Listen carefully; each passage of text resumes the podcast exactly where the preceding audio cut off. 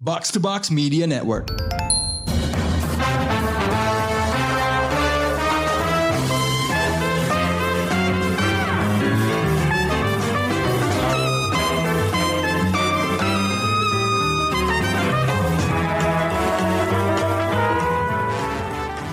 Annyeonghaseyo pendengar Showbox, balik lagi kita ke Korea Vagansa yang kali ini merupakan double billing uh, dari dua drama yang temanya dark. Mainnya di tempat yang berbeda, tapi gue bisa menarik paralel antara dua drakor ini karena banyak hal yang serupa. Drakornya apa aja nih? Yang pertama ada The Bequeathed di Netflix yang disutradarai oleh uh, Min Hong Nam ya kalau nggak salah ceritanya tentang seorang dosen perempuan yang lama banget nggak dapet posisi tetap. Namanya Yoon Soha yang diperankan oleh Kim Hyun Joo. Kehidupannya tuh rada kasihan gitu. Suaminya lebih muda tapi tukang selingkuh. Bosnya dia itu suka ngeplagiat dia. Terus koleganya ada yang songong. Eh tiba-tiba dia dapat warisan tanah luas banget yang merupakan pemakaman keluarga tapi ternyata tanah itu terkutuk gitu. Dan nggak lama setelah itu Yun Soha juga terjebak misteri dan harus ngadepin nggak hanya kematian omnya yang mewariskan tanah itu ke dia, tapi juga suaminya. Sementara di drakor yang satu lagi, A Shop for Killers di Disney Plus, uh, yang disutradarai oleh Lee Kwon dan No Kyuyop, ada Jong Ji An. Cewek kuliahan ini cuma pengen kehidupan yang normal sebagai remaja, punya temen, bisa hangout, bisa kuliah, tapi sayangnya dia dibesarin sama omnya yang apa ya, yang unik gitu. Namanya Jong Jin Man yang diperanin oleh Lee Dong Wook. Suatu hari pamannya ini meninggal dan apa yang terjadi? Jong Ji jadi diburu sama sekelompok assassin yang datang bertubi-tubi. Semuanya karena punya dendam sama si Om yang katanya meninggal bunuh diri. Kayak nggak mungkin banget sih dia meninggal bunuh diri, tapi itulah yang terjadi. Dan akhirnya Jong Ji harus survive dan menguak rahasia pamannya bahwa si pamannya ini ternyata mengoperasikan e-mall buat para pembunuh bayaran. Istilahnya omnya ini seller, tapi sellernya senjata online gitu. Kayak gila gak sih? Pokoknya ini drakor dua ini tuh uh, menarik perhatian gue karena sama-sama nyeret karakter perempuan ke dalam masalah yang besarnya tuh nggak kira-kira gitu. Kadang gue merasa kayak ini tuh kesannya para penulis di Korea nganggep cewek-cewek tuh bisa dipermainkan dengan gampang gitu ya.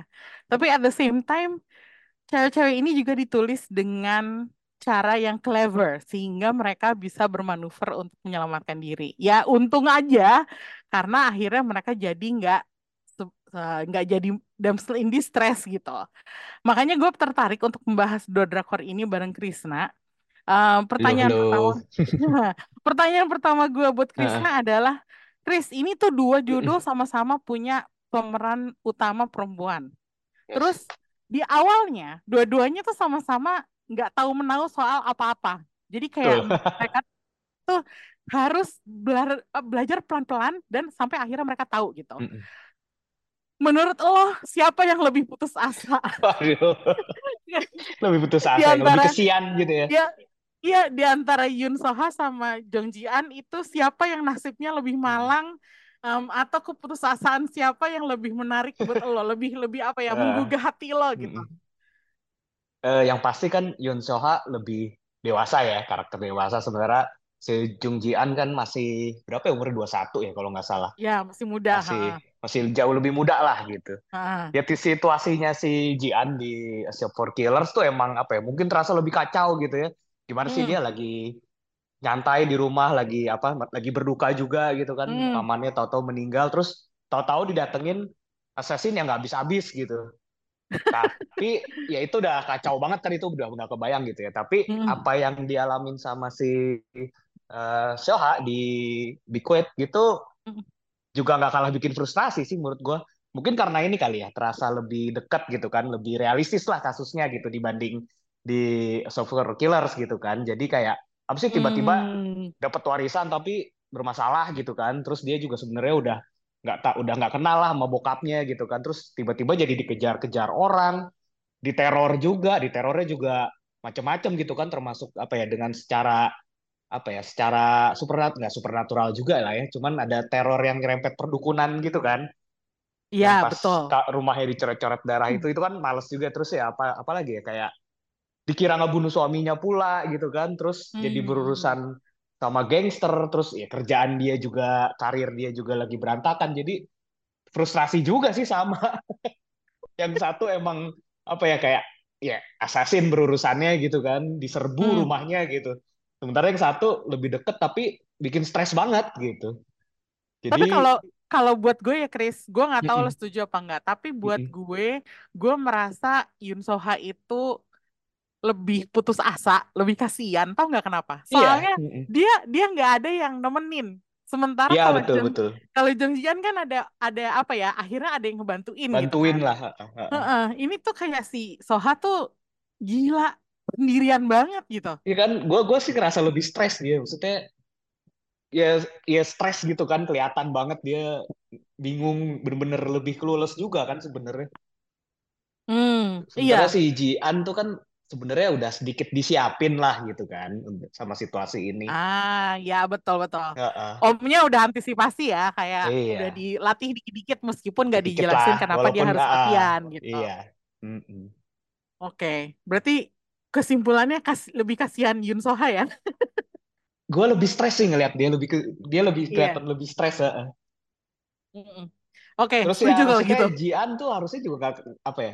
Dia emang kalau si Jian tuh dia nggak tahu apa-apa tentang pamannya gitu ya tapi dia tahu pamannya ini hmm. misterius gitu kan jadi kayak harusnya nggak sekaget itu gitu loh wah kalau ternyata pamannya punya something yang dark gitu kan sementara kalau hmm. si Soha tuh beneran nggak ada petunjuk kan dia beneran tiba-tiba aja masalahnya dateng gitu tadinya hidupnya normal-normal aja yeah. beneran normal gitu kan iya mm -mm. Ya meskipun sebenarnya normalnya dia juga nggak normal ya karena dia yes. berusaha iya, sekuat yeah, yeah. mungkin untuk jadi dosen tetap tapi nggak dapet dapet juga gitu yeah, karena ya hidup dia kayak penuh struggle aja gitu loh. Iya iya. Um, ya strugglingnya struggling. Udah gitu, udah gitu mm -mm. struggling normal gitu ya. Manusia biasa, gitu. gitu. Oke, okay. um, terus gue narik uh, paralel lagi antara dua driver mm -mm. ini karena tema-temanya dark. Yang satu assassin. Um, mm -mm. Ya, yang satu lagi juga sebenarnya ada pembunuhan ya, tapi yeah. Iya. uh, levelnya beda lah antara yeah. dua driver ini. Tapi intinya dark gitu. Mm -mm. Dan menampilkan kelamnya apa ya darkness itu datang dari hubungan keluarga. Kayak yes, si Yun Soha itu uh, dari keluarga bapaknya yang dia nggak kenal yang bapaknya juga tingkah lakunya juga nggak meyakinkan si Yun Myung Ho itu. Sementara Jong Ji An itu repot karena omnya. Dua-duanya tuh diseret ke masa lalu para pria ini yang kelam gitu. Dan gue penasaran aja, uh, lo mandang ini apakah kayak ini apakah perempuan dihukum gitu? sins ya, of the sins sins of the father gitu kayak sins of the uncle gitu. Jadi gue gue merasa kayak ada unsur apa ya mereka tuh yang bikin masalah sebenarnya cowok gitu iya betul. hidup mereka, mereka yang menanggung gitu. apa ya menanggung konsekuensi atas kelakuan keluarganya gitu ya. Di sini uh -uh, bapaknya uh -uh. sama pamannya gitu kan. Iya betul. Hmm, hmm. Jadi lo lo merasa kayak gitu juga ya? Maksudnya gue iya, nggak iya. kan untuk menuding uh, uh. menuding ayah ya, dan pamannya ini. Kayak, kayak apa ya? Pertama buat si Jinman sama Jian lah ya. Masalah yang dibikin Jinman hmm. tuh kan gede banget kan dan bikin si Jian tuh sampai kehilangan uh, orang tua sama neneknya bahkan gitu kan. Terus ya setelah itu yeah, yeah. akhirnya Jian juga harus berurusan sama dunia kriminal gitu kan. Jadi ya, mm-hmm. ya itu itu konsekuensi ya. Walaupun gue kalau dari kalau mau ngebandingin gitu ya, paling mm. uh, si Jinman nih, ya itu kayak tadi udah gue bilang dari awal dia udah bisa lihat masalah mm-hmm. gede yang dia bikin nih emang nggak bisa dihindarin lagi kan. Ya walaupun udah memakan okay. korban saudara dan ya keluarganya lah yang lain gitu ya. Tinggal si Jian nih satu-satunya. Hmm. Ya jadinya dia udah apa ya kayak akhirnya nyiapin Jian kan uh, bahkan termasuk jalan keluarnya juga kalau si Jian uh, mau kabur gitu. Dan gue masih bisa ngerasain uh, ada kasih sayang di situ gitu. Beneran beneran ya akhirnya kan emang beneran sayang kan si Jinman sayang sama si Jian si Jian juga sebaliknya gitu kan. Nah balik lagi gue justru hmm. lebih kesel sama bokapnya si Soha. Makanya dia lebih kesian kan kalau kalau kembali ke Oh, yang tadi lagi. Karena bisa dibilang dia iya udah ja- iya iya. udah jadi bokap yang nggak bertanggung jawab terus pas sudah mati malah ninggalin masalah yang ya sampai ngancam nyawa Soha juga kan. Dan itu sama sekali tanpa ngasih Iya, petunjuk apa pun gitu. Jadi ya emang iya. ya kesian sih dua perempuan ini. Harus kerepotan gara-gara kelakuan cowok-cowok di jadi keluarganya tapi kita bisa setuju ya bahwa omnya Jian itu si Jinman itu Mm-mm. dia bertanggung jawab kan istilahnya yang lo bilang tadi kan dia udah ya at least ya Jian untuk Mm-mm. ya ngadepin masalah. Tapi yang gue nggak ngerti ya bapaknya Soha itu kenapa dia nggak apa menurut dia hanya dengan tinggal terpisah dari anaknya itu bisa nyelesain masalah. Itu yang gue nggak iya paham Leb- gitu loh. kayak nggak bertanggung jawab banget iya kelakuannya tuh kayak nggak masuk di akal aja kayak bukan Mm-mm. kayak selfish gitu loh nggak mikirin ya orang betul lain gitu. selfish ah ah, selfish setuju Waduh, gue nggak suka banget sih sama karakter bapaknya karena nggak kelihatan seperti dia tuh ada tanggung jawabnya gitu. Iya kayak nggak peduli juga gitu kan. An- Ya udahlah, iya, udah iya, udah tinggal terpisah, gue terpaksa harus hidup di tempat lain. Ya lu jalani hidup lo udah gitu gitu kan. mm-mm. Itu itu kesel banget sih gue. Gue nonton The Big Wicked itu lebih rasanya ya lebih Mm-mm. lebih kesel, lebih frustrasi karena nggak ada seperti orang yang yang apa ya, yang yang yang bertanggung jawab gitu. Udah gitu apa ya kayak semuanya tuh ngeselin gitu. Ba- ba- Mm-mm. Kadang-kadang Yoon Soha sendiri juga juga agak ngeselin karena Iya dia nggak sempurna juga kan. iya Tapi karena dia kan situasinya udah kacau iya banget buat dia soalnya. tapi kan karena di- dia victim kan di sini dia korbannya jadi gue bisa paham kalau dia nggak nggak nggak terlalu bisa ngapa-ngapain gitu cuman Mm-mm. Mm-mm. kayak ya semuanya yang lain juga useless gitu Mm-mm. kayak kayak jujur aja deh The Big Wicked itu adalah salah satu drakor paling frustrating yang pernah gue tonton gitu kayak Iya, bener ke bawah. darkness darknessnya tuh gak selesai-selesai gitu. Mm-mm. Sedangkan kalau A Shop for Killers kan at least ada sedikit apa ya komedinya, humornya. Iya, heeh. ada inilah, ada relationship yang masih terasa hangat gitu kan. iya iya sa- Mm-mm. antara Jian sama pamannya ya, meskipun Iya. pamannya juga sebenarnya aneh banget gitu. Ya dia kan lebih kayak sok cuek juga kan sebenarnya ke Jian. Hmm, hmm. Sebenarnya dia sangat sayang gitu kan. Iya, terus udah gitu nggak tahu kenapa ya mungkin karena yang main Lee Dong Wook juga gitu, karena Mm-mm, mm-mm. tampang dia belum tua-tua banget gitu. Terus kayak kayak belum belum apa ya garis mukanya tuh belum garis muka susah gitu loh Chris Iya, sih ya ganteng susah. iya susah Dan dia sih mukanya kan cool gitu kan. Heeh, heeh. jadi kayak lumayan aman lah nonton dia sama Heeh, Jian tuh heeh. gitu. Em, tapi seperti yang gue bilang tadi ini di sekitar karakter dua ini sebenarnya banyak yang mendukung yang harusnya bisa nolongin kayak kalau di The Bequeath itu ada dua karakter polisi ya yang dimainin sama Park Hee Sun sama Park Byung Mm-mm. Terus di uh, A Shop for Killers ada uh, karakter assassin lainnya yang uh, apa? Yang orang yang cewek si. Min uh, Hye, Min Hye sama Pasin yang ceritanya Asin, orang Thailand gitu. Thailand. Nah, tapi dua karakter ini dua-duanya nih sama-sama nggak langsung percaya. Malah si Mm-mm. Soha sampai akhir kayaknya tetap nggak percaya sih sama polisi. Iya.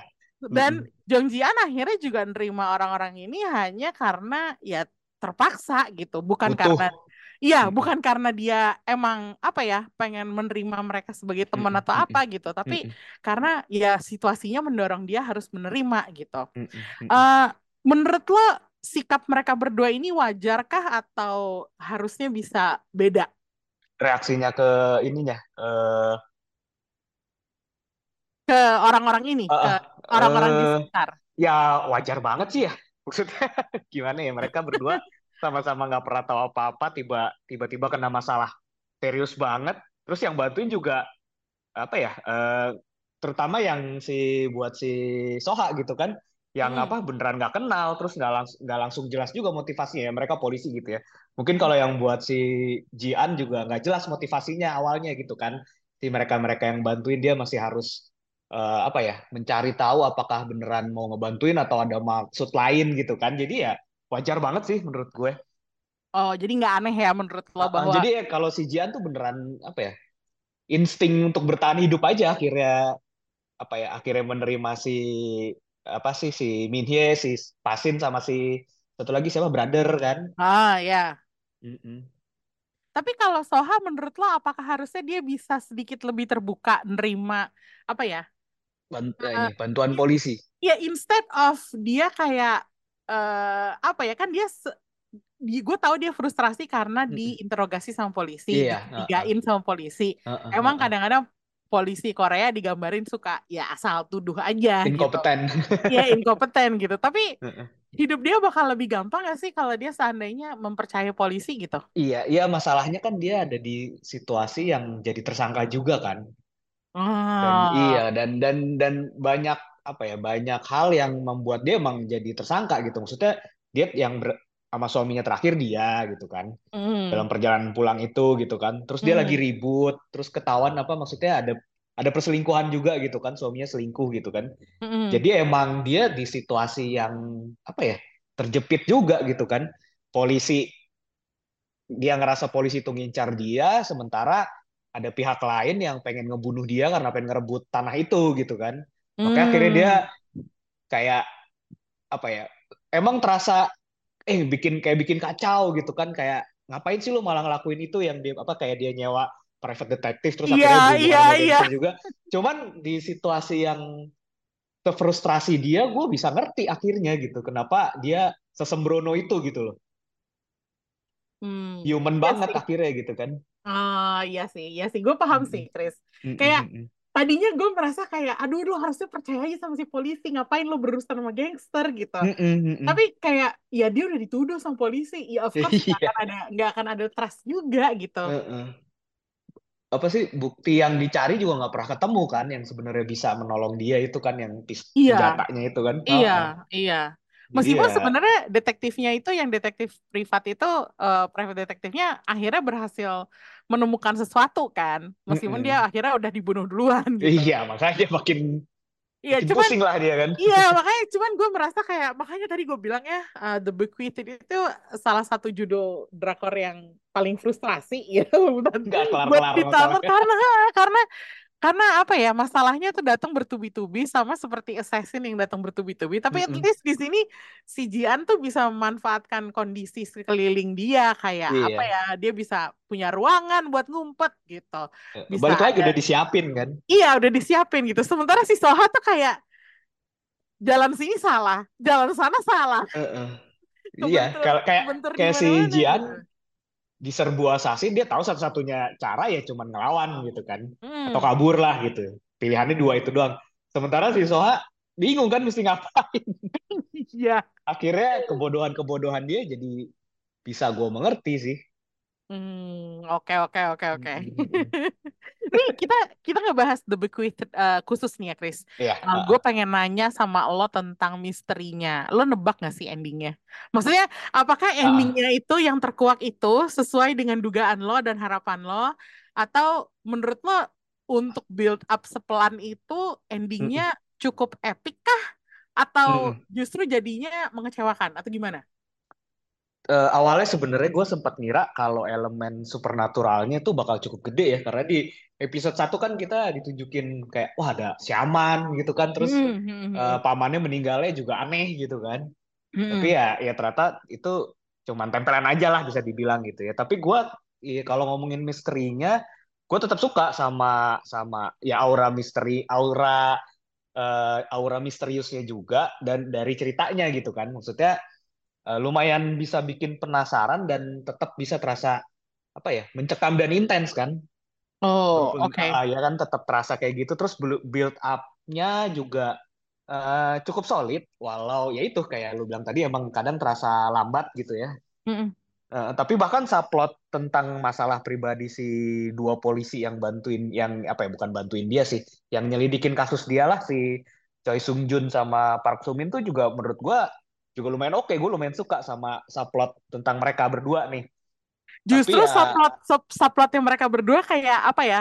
Hembusan napas segar gitu di ya tengah lumayan kan kayak kalau di tengah di tengah frustrasi ngeliat sesuatu Iya iya ngeliat betul betul. masalah mereka walaupun masalah mereka cukup kompleks juga ya Aha. tapi ya lumayan lah bener sih bener-bener jadi sesuatu yang fresh gitu kan Hmm. eh endingnya sendiri sebenarnya gue lumayan kaget sih Oh kaget. ternyata uh, maksudnya ternyata siapa uh, si apa si saudara tirinya itu eh, saudara bukan saudara tiri ya half brothernya lah gitu kan uh. Uh, tentang dia siapa terus uh, ya tentang uh, keluarga bokap itu gue lumayan kaget sih gue nggak nyangka arahnya ke situ gitu ya cuman hmm. memang uh, menurut gue sayangnya Biquetet ini sempat agak kedodoran kali ya di terakhir-terakhir itu yang bikin endingnya walaupun cukup mengejutkan uh, buat gua pas di reveal gitu ya hmm. uh, ya agak kurang epic gitu karena apa ya mungkin agak sempat uh, ke mana-mana sih menurut gue oh. dan agak klise gitu kan sempat apa ya oh. kayak keterlibatan si gangster tuh kayak menurut gue terlalu besar akhirnya iya ya kayak uh, kenapa uh, uh. akhirnya endingnya harus melibatkan gangster-gangster itu iya, uh. sampai akhirnya final battle-nya tanda kutip itu -uh. terjadi karena mereka gitu itu iya, agak-agak itu ya. agak agak menurun di situ aja sih menurut gue. Cuman uh, ter, apa yang sebenarnya terjadi di keluarga si bokapnya Soha tuh lumayan ngagetin sih dan itu dark banget kan. Iya dark banget sih, dark banget. gue sebenarnya Chris, gue agak nebak nih, udah mulai nebak dari tengah-tengah bahwa Oh iya. Gue gue merasa karena gini, karena apalagi yang bisa separah itu gitu. Tapi ah iya iya. iya. Ngerti gak sih? Karena ya, ngerti, gue ngerti kayak rahasia yang separah apa yang bisa ngacauin hidup semua orang sampai kayak gini gitu. Gue udah punya, gitu ya. Iya, gue udah punya feeling bahwa ini hubungan kakak adiknya nggak bener nih, gitu. Terus udah gitu, gue merasa kayak apa ya si adiknya ad, half brothernya itu kan agak-agak semacam apa ya kayak anak autis gitu. Iya. Istilah kasarnya ya, mohon maaf dengan penggunaan kata autis gitu. Tapi sepertinya bukan orang normal gitu. Jadi uh, kayak apa ya? disabilitas lah ya. Hmm, jadi kayak kesannya ini ada faktor genetik nih. Jadi gue mm. otak gue langsung ngebawa ke Ah iya benar juga sih. Iya, bahwa terjadi sesuatu yang yang pokoknya kotor banget lah gitu. Tapi gue in denial loh sampai akhir. lu berusaha kayak enggak berusaha, deh kayak iya, enggak gitu gue gue berusaha untuk bilang enggak nggak mungkin nggak mungkin hmm. nggak mungkin sedark itu nggak mungkin sedark itu hmm. tapi ternyata sedark itu dan itu akhirnya bikin gue kaget juga jadi gimana dan ya nambah ke frustrasian lu iya, kayak kayak kayak apa ya kayak uh, eh, gue udah tahu gue mungkin udah menduga apa yang terjadi tapi tetap aja hasilnya bikin kaget karena kok bener gitu hmm.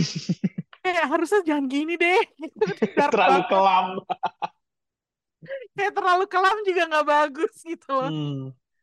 Aduh, gue kayak apa ya itu dia ya kayak itu nambah rasa frustrasi gue dan gue begitu selesai episode 6 ya ini kan cuma 6 episode gitu ya, ya meskipun pendek, pendek ya. Hmm. Gue seneng banget lah waktu selesai kayak uh kayak akhirnya selesai gitu. Gue gue tapi perlu... puas loh sama klimaksnya, sama endingnya lah gitu. Memuaskan uh, loh iya sih, gue puas sama uh. endingnya dalam dalam arti bahwa gue nggak merasa ada yang apa ya, nggak ad, ada yang terlalu unbelievable gitu. Jadi hmm. nggak tiba-tiba dia sama iya adiknya rukun gitu, iya, terus iya, mereka hidup sih. bahagia uh, gitu. Uh, uh, uh, uh. Gue merasa setuju. endingnya wajar gitu, tapi gue seneng udah selesai karena gue nggak perlu nonton lagi. Jadi gue perlu ikut frustrasi lagi. Iya, gue nggak, gue udah bisa melepas kefrustrasian gue dengan selesainya episode 6 dan gue nggak bakal nonton lagi gitu. Iya kayak ini ya sih maksudnya bener sih kayak ceritanya udah sedark itu ya of course harusnya nggak akan se happy ending itu juga gitu kan. Iya gitu. Jadi kayak apa ya gue tahu emang ini drakor yang dark dan uh, endingnya harusnya juga sesuai lah ya. Meskipun ada nada positif gue nyebutnya yeah. bukan happy ending tapi hopeful ending gitu. Yeah, yeah, yeah. Uh, tapi tetap aja sih Chris gue nggak akan nonton lagi sih kayaknya. Cukup sekali ya bener. Cukup sekali. Iya, bukan berarti jelek ya, bukan berarti Iya, bukan jelek berarti ya. jelek, cuman Justru karena bagus. Ya. cuman karena ini tuh faktor apa ya ke, kelam kekelamannya tuh terlalu besar buat dinikmatin gitu jadi kayak cukup sekali nonton udah cukup gitu intinya enough gitu sementara kalau Shop for Killers gue entah kenapa gue meskipun ya ini banyak bunuh-bunuhannya dan mm -mm. agak sadis gitu ya mm -mm. dia kan banyak banget pakai senjata pakai action ini yeah. kayak John Wick gitu gue gue ngeliatnya kayak John Wick karena ada Lumayan sih. dunia assassin yang mm -mm. punya background sendiri world building sendiri mm -mm. gitu dan pada akhirnya emang sebenarnya penjahat utamanya kan belum belum ketangkep ya Iya, Dan selesai. nasibnya Jong Jian tuh sebenarnya masih gantung loh. Kayak kita cuma bisa bilang udahan dulu untuk sementara, tapi bisa lanjut lagi entar Ambil gitu. napas dulu lah si Jian Heeh, ya. heeh, gitu. Mencerna Kayak dulu apa yang terjadi. gitu.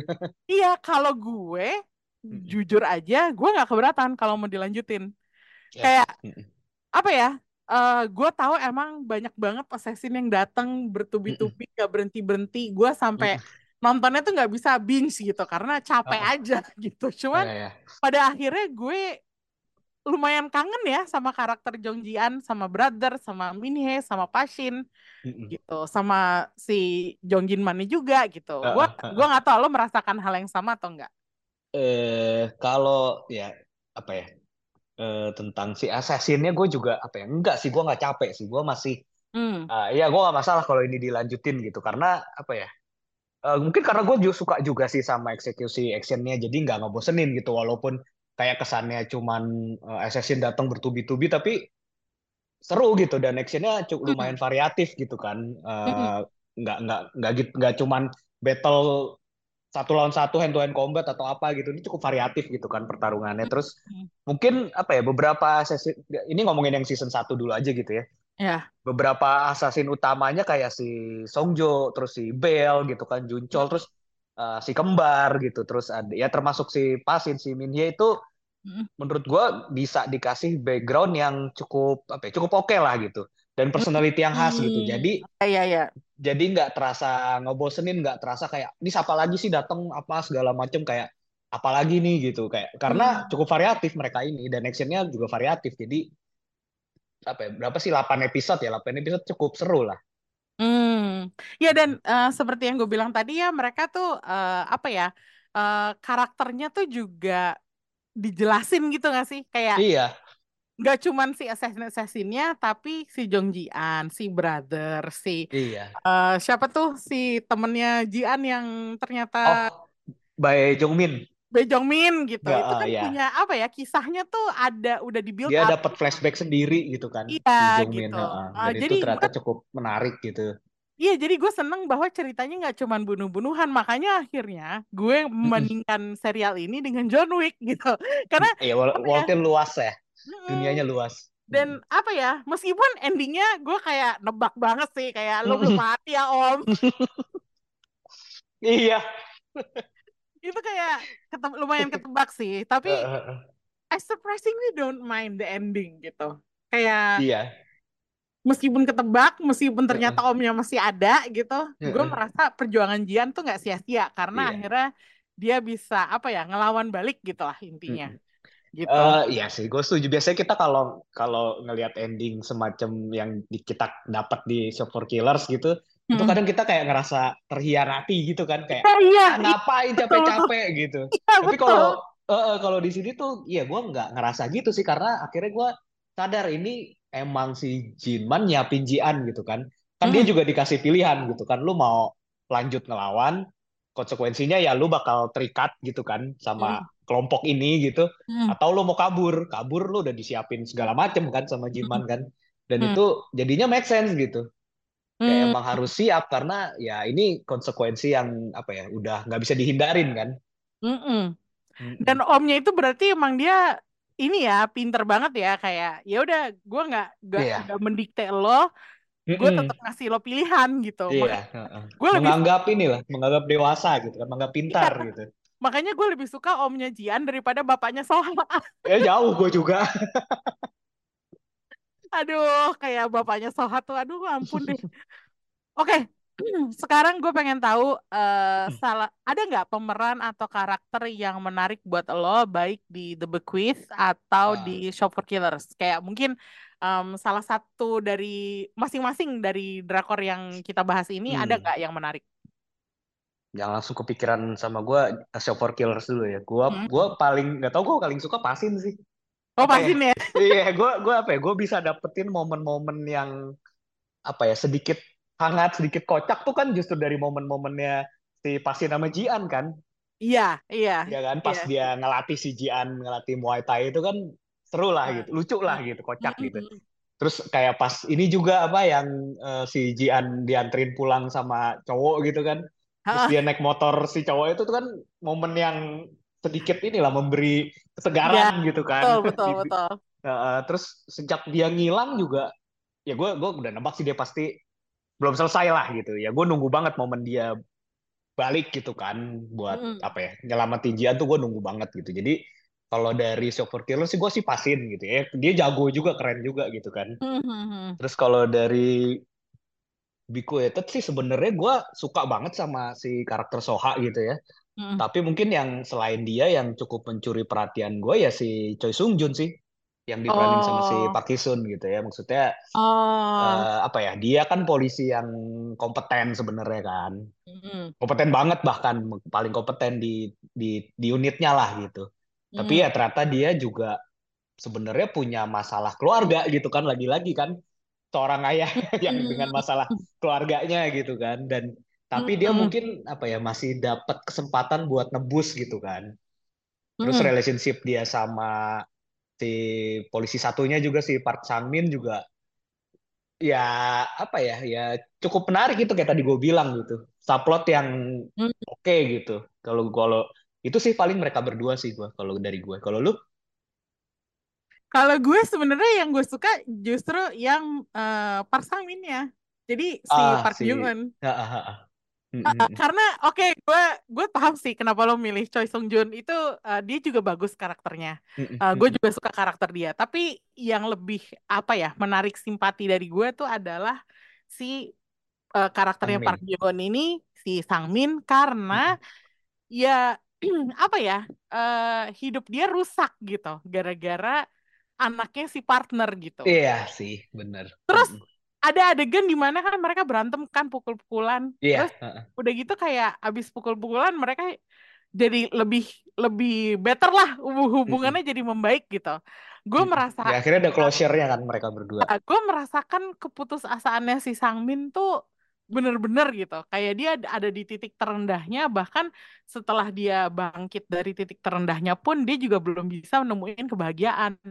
Dan mm -hmm. Dan apa ya? Kalau menurut gue dia itu level kasihannya sama kayak Soha.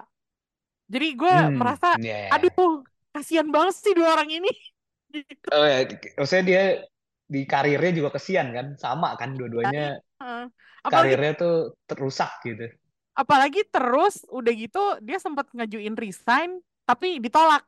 Iya, iya, iya, iya. Itu kayak sakit banget sih kalau gue. kayak apa ya? Ini jadi kan baru-baru ini kan gue nonton variety show uh, di mana si Park Byung Eun ini uh, jadi bintangnya salah satu bintang tetapnya gitu. Si Park Byung Eun tuh aslinya orangnya tuh ceria banget gitu, kayak apa ya orangnya tuh uh, outgoing gitu dan apa berani gitu. Seru gitu ya. Uh, seru gitu. Terus di sini dia meranin karakter yang sekasian ini. Gue tuh jadi merasa oh ternyata lo level aktingnya emang gak main-main ya. kayak oh gue bertahu level lo tuh segini ternyata gitu. Jadi gue apa ya ada rasa rasa apa ya rasa ekstra yang yang timbul dari nonton dia di sini gitu. Kalau kalau si apa ya Park Hisun kan kita udah nonton dia di movie ya Chris dan dia udah oh, iya. dia kan jadi si North Korean yang uh, bikin nangis ya. Bikin nangis. kalau level lagi. Kalau levelnya dia ya tuh gue udah tahu gitu. Jadi gue udah ya pak maklum lah gue ya? paham. Mm -hmm. uh, gue gak kaget tapi si Park Byung Eun tuh benar-benar bikin gue kaget gitu. Makanya yeah, yeah, yeah Ya, gue agak-agak ini sih, agak-agak uh, kagum aja sih sama Park Lebih simpati Sementara ya. kalau di A Shop for Killers, gue gue kalau di A Shop for Killers sebenarnya udah susah milih nih. Maksudnya siapa ya yang menarik gitu. Tapi akhirnya sebenarnya yang menarik buat gue itu masih si omnya, si Jong Jin Man, hmm. si Lee Dong Wook. Kar mm karena ini ya, karena gue merasa kita tuh belum apa ya belum belum dapat esensi karakternya di sini jadi hmm. iya dia punya masalah sama Belle tapi hmm. belum belum apa ya belum kelihatan heroiknya Jinman tuh di mana gitu hmm. ngerti nggak yeah. kayak gue hanya gue masih penasaran sama karakter ini kenapa dia memalsukan kematiannya terus balik lagi ah iya betul tapi terus kenapa dia juga segitu Jian hmm. gitu penasaran aja uh, sih gue mungkin ya iya sih Kenapa kenapa? Kalau uh, iya sih, maksud gue iya setuju sih gue. Maksudnya karakter Jinman nih masih penuh misteri banget buat kita ya. Maksudnya kita hmm. belum nyentuh emosinya gitu kan. Kita belum tahu sebenarnya apa ya, ya. gimana perasaan dia kan sebenar-benarnya gitu kan. Betul sih. Hmm, hmm. bikin penasaran. Hmm. Iya, terus udah gitu udah gitu kenapa dia karirnya dia milih jadi assassin, kenapa dia milih kerja buat si Babylon. Terus udah gitu apa ya? Kok dia bisa ngancem bosnya tapi terus udah gitu hanya karena apa ya? Karena ancaman terhadap keponakannya terus dia nyerah gitu. Kayak dia masuk ke kamar mandi seakan-akan bunuh yeah. diri gitu. Itu agak hah? Gimana? Bukannya yeah. lo udah bisa ngancem bos lo? dengan apa ya? Dengan datang ke apartemennya terus mengancam keluarganya gitu. Tapi hmm, jadi hmm, gue hmm. penasaran aja nih si Jinman nih sebenarnya siapa sih gitu. Dan itu belum da gue dapet jawabannya. Dan gue yeah. gue gue punya feeling kalau dilanjutin kalau ada season 2 nya gue bakal baru dapetin jawabannya di situ gitu. Iya. Kita bakal lebih kenal sama Jinman lah ya. Mm -mm, gitu. Jadi ya akhirnya gue pilih Jinman. Meskipun gue sebenarnya pengen juga sih milih Pasin, soalnya Pasin orangnya seru banget gitu. Lumayan iya, beda gitu sama yang lain gitu kan. Dia beneran nggak ada nggak ada apa ya sisi kayak paling orang paling orang paling biasa gitu. Terus tampangnya kan gangster banget ya, kayak kulitnya dark gitu. Terus brewokan gitu, kayak bukan tipe-tipe apa leading man drakor yang kayak biasanya gitu. Makanya itu menarik banget. Oke, nih sekarang gue pengen milih salah satu winning moment dari Yun Soha atau Jong Ji An mm -mm. yang bikin lo merasa lega bahwa mereka itu bisa selamat. Itu yang mana, Chris? Aduh, kalau Ji An sih itu ini winning moment buat dia gak ya? Cuman gue itu, ya tadi gue udah bilang gue suka pasin dan gue sangat nunggu kemunculan dia kan. Ah. Jadi pas di momen akhirnya pasin nolong Jian, itu gue ngerasa akhirnya Jian menang nih gitu kayak ada harapan dia bisa menang nih kayak akhirnya dia dapat bantuan maksudnya karena Minhye udah luka parah kan uh-huh. udah nggak 100% gitu sementara uh-huh. si brother uh, ya dia cuman apa ya cuman ahli teknologi gitu ahli IT gitu kan uh-huh. akhirnya dapat bantuan fisik lagi nih gitu yang beneran mungkin skillnya setara sama bapaknya eh sama omnya sorry sama si Jinman gitu jadi akhirnya gue ah. bisa lebih optimis wah nih akhirnya kayak masih ada harapan buat menang nih di battle di rumah hmm. ini gitu itu sih perasaan yang apa ya yang aduh akhirnya dia ngebantuin gitu ya gak sih iya uh. kalau hmm. Itu apa ya gue saking dia kayaknya frustrasi terus gue sampai gak inget lagi momen yang terasa hopeful gitu ya buat dia di film selain akhirnya pas semuanya udah selesai apa ya kalau di Bequeathed hmm. tuh apa? Kalau gue yang di The Bequeathed itu yang pas dia dorong-dorong tembok tempat dia sama adiknya dikubur. Kan dia oh. dikubur di tungku itu kan tungku. yang udah yeah. semen udah gitu dia dorong pakai badannya terus akhirnya jebol terus dibantuin kan sama si uh, ibunya si adiknya itu terus dari gitu dia berusaha sekuat tenaga sambil batuk-batuk narik adiknya keluar. Kalau gue yeah. sih gue ngelihatnya itu winning momentnya dia di mana akhirnya dia udah bisa nerima semua kemalangan yang terjadi pada dirinya gitu. Yeah. Kayak gue tinggal survive aja. Gue harus nah. yang lainnya terserah lah mau ngapain tapi yang penting gue bisa survive gitu. Jadi uh. itu sih satu-satunya winning moment Yun Soha kalau buat gue. Iya kayak sih, kalau... yang lainnya gue gak bisa mikir.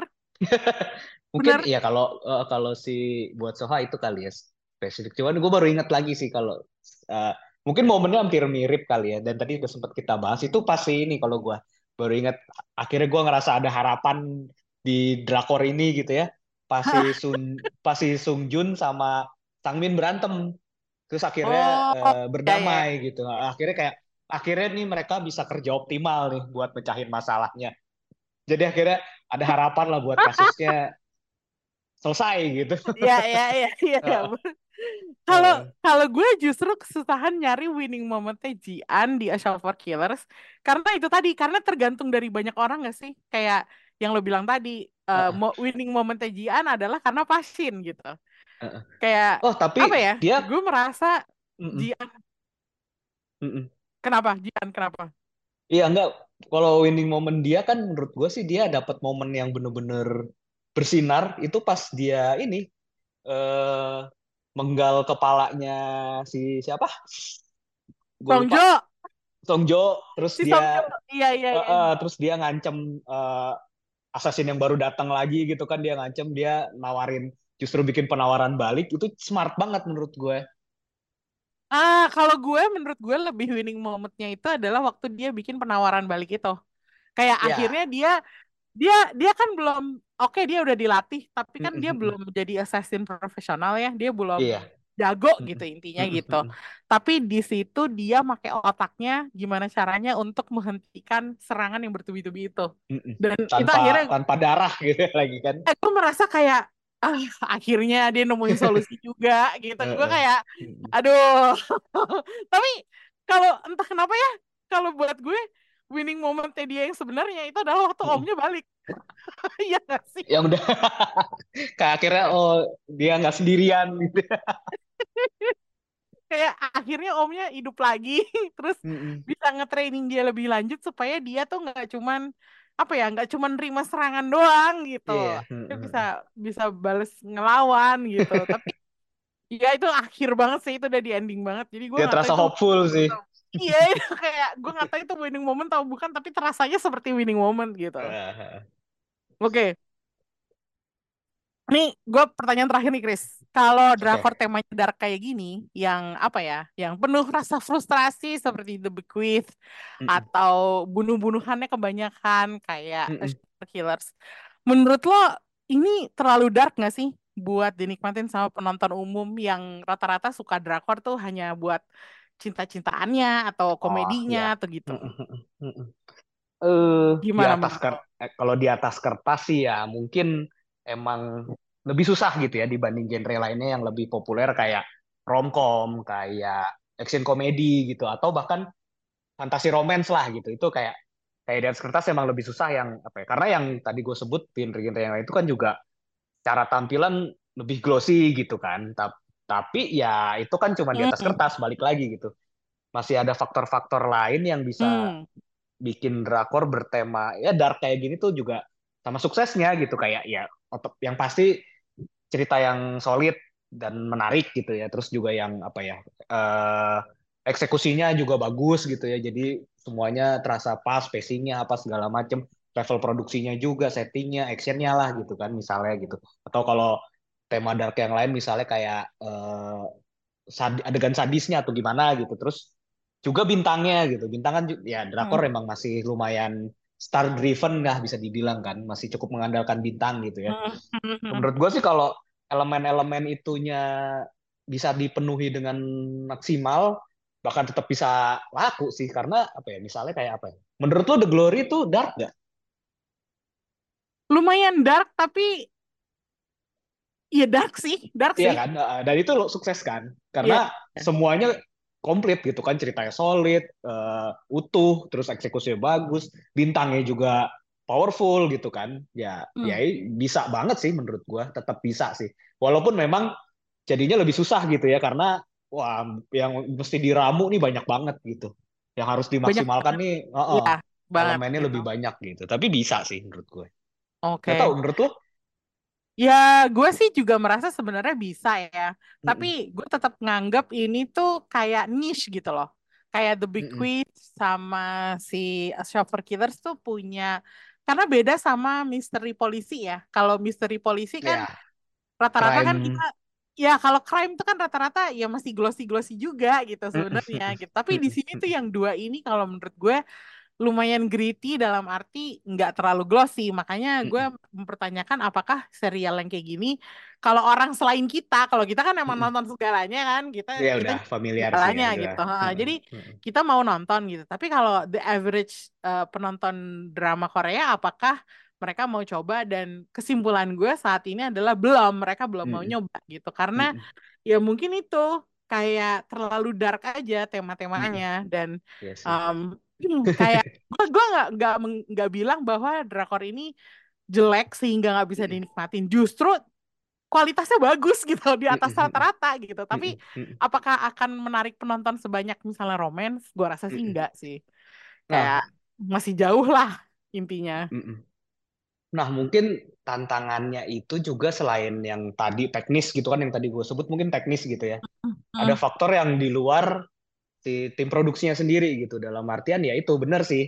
Untuk mungkin kalau misalnya di OTT lah gitu ya, di hmm. untuk orang mau nonton pas film ini baru eh, serial ini baru rilis, nonton hmm. episode satu, nonton episode satunya gitu, itu mungkin yang agak susah kan karena nggak langsung menarik gitu, beda sama di genre lain. Cuman mungkin ya itu ada faktor lain kayak misalnya kalau emang ternyata udah bagus, otomatis kan nanti mungkin walaupun nggak sebanyak genre lain, tapi yang nonton akan ngomongin gitu kan, entah di sosial yeah. media atau ngomongin ke temen-temennya yeah. gitu kan. Nah dari situ baru akhirnya bisa menarik lebih banyak penonton. Terus ya kalau emang bagus, gue rasa akan akhirnya bisa nikmatin juga sih. Ya memang Sebenarnya lebih gue lebih handicapnya lebih banyak lah. Iya, tapi gue lebih optimis ya Chris dengan A Shop for Killers dibandingin The, Be The Bequeathed karena kalau menurut gue The Bequeathed itu drama iya yang sih. slow burn itu yang iya, pertama. Iya, lebih, slow lebih burn berat. Agak challenging ya kayak buat orang-orang yang nggak biasa sama drakor yang slow burn gitu, gue rasa mereka bakal nyerah ya. Bukan Dan... cuma drakor sih itu semua iya, iya. film dari mana pun series tuh iya, lebih betul, sulit memang. Betul kalau A Shop for Killers setidaknya ada faktor bombastisnya di mana itu action gitu. Jadi yeah. Siapa pun yang suka action bisa nikmatin gitu. Meskipun dan itu banyak yang suka action gitu kan. Ya, dan meskipun actionnya itu sadis ya kayak bunuh-bunuhan, yeah. tembak-tembakan gitu, tapi gue gue merasa A Shop for Killers ini bisa lebih mainstream daripada The Bequeathed gitu. Tapi ya da, maksudnya lagi-lagi gue bilang bahwa sebenarnya dua drakor ini tuh uh, produksinya bagus, yang bikin kompeten, bintang-bintangnya solid, ceritanya juga solid. Jadi sebenarnya harusnya nggak ada alasan buat nggak iya. dinikmatin yeah. sama semua orang gitu. Cuman ya terserah lu aja, lu mau ikut film ke darkness itu apa enggak gitu intinya kan. Yang yang bikin The Big itu timnya ini loh, timnya Tren Busan loh. Waduh. Iya kan maksudnya si penulisnya kan Yun Sang Ho kan, sutradaranya. Hmm, hmm Tren Tubusan kan yang nulis Tren Tubusan juga. Jadi sebenarnya uh, inilah orang-orangnya kompeten gitu kan. Sementara kalau Super Killer sih pastinya ada faktor lindung iya, ya. iya. Iya, itu dia. Tapi maksudnya kalau kalau orang gak, takut ya, takut sama ke darknessnya, ke apa, ke kelamnya dunia-dunia ini, kalau menurut gue, oke, okay, cobalah salah satunya, which is um, Shower Killers dulu ya, gitu. Lebih Habis itu mudah. lebih gampang buat diakses kan daripada The Bequeathed. Dan kalau misalnya lo masih mau coba lagi buat untuk lebih berani lagi ya The Bequeathed gitu. Uh-uh. Intinya sih gitu. Oke, okay, coba sekarang kita kasih rating buat dua drakor ini. Lo mau kasih berapa? Uh, kayaknya sama deh, Bequeathed dan si Shower Killers dulu gue kasih 4 deh. Oh, sama persis. sama juga. persis. The Wicked empat bintang. Super Killers empat bintang. Iya, iya, iya, iya. Karena uh. ya levelnya emang segitu. Level empat yeah. bintang sih kalau menurut gue. Mm -hmm. Ya banyak ada kekurangannya, tapi bisa dimaafin. Dan Betul. ya gue terhibur sih pas nonton. Dan emosi gue bergejolak pada saat gue nonton. baik The Wizard maupun a serial uh, Shop for Killers gitu. Tapi ya itu nggak nggak perfect banget gitu. Uh, uh, uh. Oke, berarti itu ya tadi kita udah ngebahas dua serial yang mirip-mirip secara tema dark, tapi dua-duanya juga sama-sama entertaining dan ya lumayan nyenengin lah bisa ngeliatin talenta-talenta Korea beraksi gitu ya. Um, jadi jangan lupa The Bequest itu udah tayang di Netflix secara lengkap 6 episode. A Shop for Killers juga udah lengkap di Disney Plus 8 episode pendek. Jadi kalau mau nonton dua-duanya, sok aja lah silahkan. Tapi kalau cuma mau nonton satu juga boleh, terserah. Sah-sah aja gitu. Tapi jangan jangan lupa ya habis itu pelukan dulu sama guling atau sama teddy bear gitu biar biar nggak cemas terus-terusan gitu. Um, terus berikutnya ada apa di Korea Vagansa? Sepertinya ada yang bakal membahas serial romance berikutnya. Jadi tungguin aja tanggal mainnya Wah, di Showbox Podcast. Beda lagi nih ya genrenya ya. Beda lagi nih genrenya satu lagi nih agak spesial. Uh, Oke okay, kalau gitu kita berdua undur diri dulu. Sampai ketemu lagi di episode berikutnya. See you and bye bye.